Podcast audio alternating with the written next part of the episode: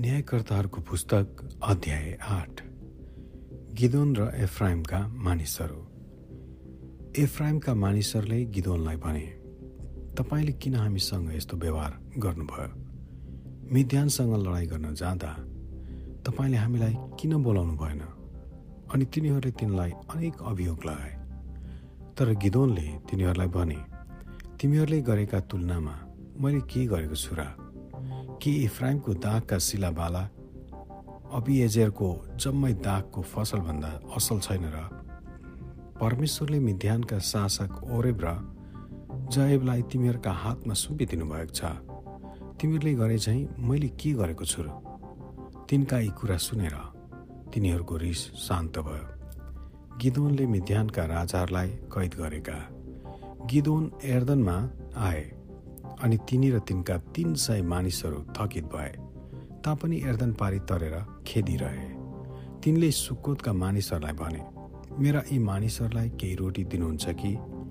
किनभने तिनीहरू थाकेका छन् र म मिध्यानका शासक जेबह र समूलतनालाई खेद्दैछु। तर सुकोतका अधिकारीहरूले जवाफ दिए के जेबह र सलमुना तिम्रो हातमा आइसकेका छन्? तिम्रो सेनालाई हामीले किन रोटी दिने? गिदोनले भने त्यसो भए जब परमप्रभुले जेबह र सलमुनालाई मेरो हातमा सुम्पिदिनुहुनेछ तब म मरुभूमिका काँडा र घोस्ने बुट्टाले तिमीहरूको छाला उतार्नेछु तिनी त्यहाँबाट पनियलमा गए र त्यही बिन्ती गरे। पनियलका मानिसहरूले पनि सुकोतका मानिसहरूले चाहिँ जवाफ दिए। तिनले पनियलका मानिसहरूलाई भने म कुशलसित फर्केपछि तिमीहरूको यो किल्ला भत्काइदिनेछु।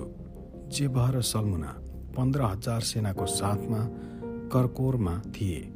पूर्वका जातिहरूका जम्मै दलबाट बाँकी रहेका सबै यति नै थिए।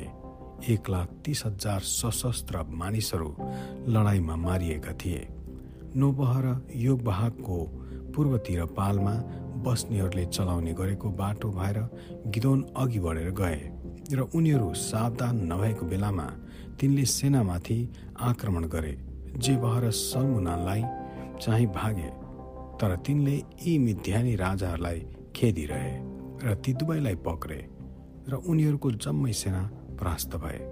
जब युवासका छोरा गिदोन युद्धबाट हेरेसको घाँटी भएर फर्के तब तिनले सुकोतको एकजना जवान मानिसलाई समाते।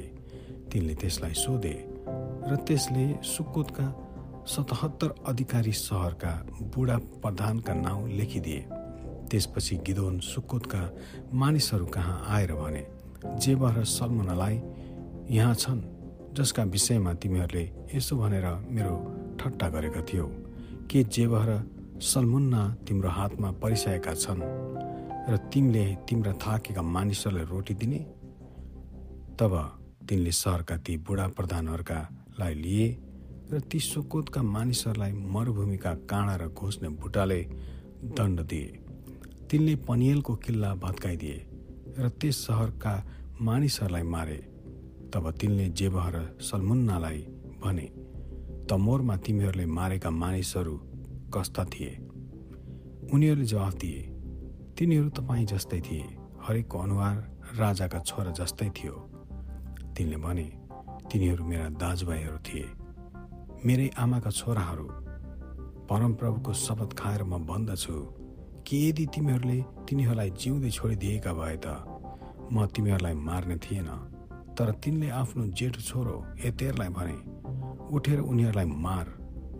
तर त्यो त्यस बेला सानै केटा थियो र त्यसले आफ्नो तरवार थुतेन किनभने त्यो डरायो। यसैले जेबह र सलमुन्नाले भने तपाईँ आफै उठेर हामीलाई मार्नुहोस् किनभने तपाईँका पुरुषको बल छ। तब गिदोन उठेर दुवैलाई मारे र उनीहरूका उँटका घाँटीमा भएका चन्द्रहारहरू फुकारेर लगे। गिदोनका अरू कार्यहरू र मृत्यु। इजरायलीहरूले गिदोनलाई भने हामीलाई मिध्यानीहरूबाट बचाउनु भयो अब तपाईँ हाम्रा शासक हुनुहोस्। तपाईँ तपाईँका छोरा र तपाईँका नाति तर गिदोनले जवाफ दिए म वा मेरो छोराले होइन तर परमप्रभुले नै तिमीहरूमाथि शासन गर्नुहुनेछ। अनि तिनले भने म तिमीहरूसँग एउटा अनुरोध गर्न चाहन्छु। तिमीहरू हरेकले आफ्नो लुटको मालबाट एउटा कुण्डल मलाई देऊ। ती शत्रु इस्मालीहरूका बीचमा सुनका कुण्डल लगाउने चलन थियो। तिनीहरूले भने अवश्य हामी ती तपाईँलाई दिनेछौँ। तब एउटा लुगा ओछ्याइयो र हरेकले त्यसमा आफ्नो लुटको मालबाट सुनको एउटा कुण्डल राखिदियो। तिनले मागेका सुनका कुण्डलको ओजन बिस किलो जति भयो। यो चाहिँ चन्द्रहार र अरू गहना र मिध्यानी राजाहरूले लाउने बैजनी वस्त्र बाहेक थियो। उनीहरूका ऊँटका घाँटीमा लगाएका सिक्रीहरूको त गन्ती नै भएन। ती सुनबाट गिदोनले एउटा एपोद बनाए र आफ्नै सहर ओप्रामा त्यो राखे। सबै इजरायलीहरूले त्यसको पूजा गरी आफैलाई बेस्या समान बनाए र त्यो गिदोन र तिनका घरानालाई फसाउने एउटा फन्दा भयो। यसरी मिध्यानीहरू इजरायलीहरूको अधीनमा भए। उनीहरूले आफ्ना शिर फेरि ठाडो गर्न सकेनन्। गिदौनको जीवन पर्यटन चालिस वर्षसम्म देशमा शान्ति भयो। त्यसपछि ओयसका छोरा एरुब बाल आफ्नै घरमा गएर बस्न लागे। तिनका सत्तरीजना छोराहरू थिए किनभने तिनका धेरै पत्नीहरू थिए। तिनकी एउटी भित्रिनी थिइन्। जो सकेममा बस्थे त्यसले पनि तिनको एउटा एकजना छोरो जन्माइन् र तिनले त्यसको नाम अभिमेलेक राखे।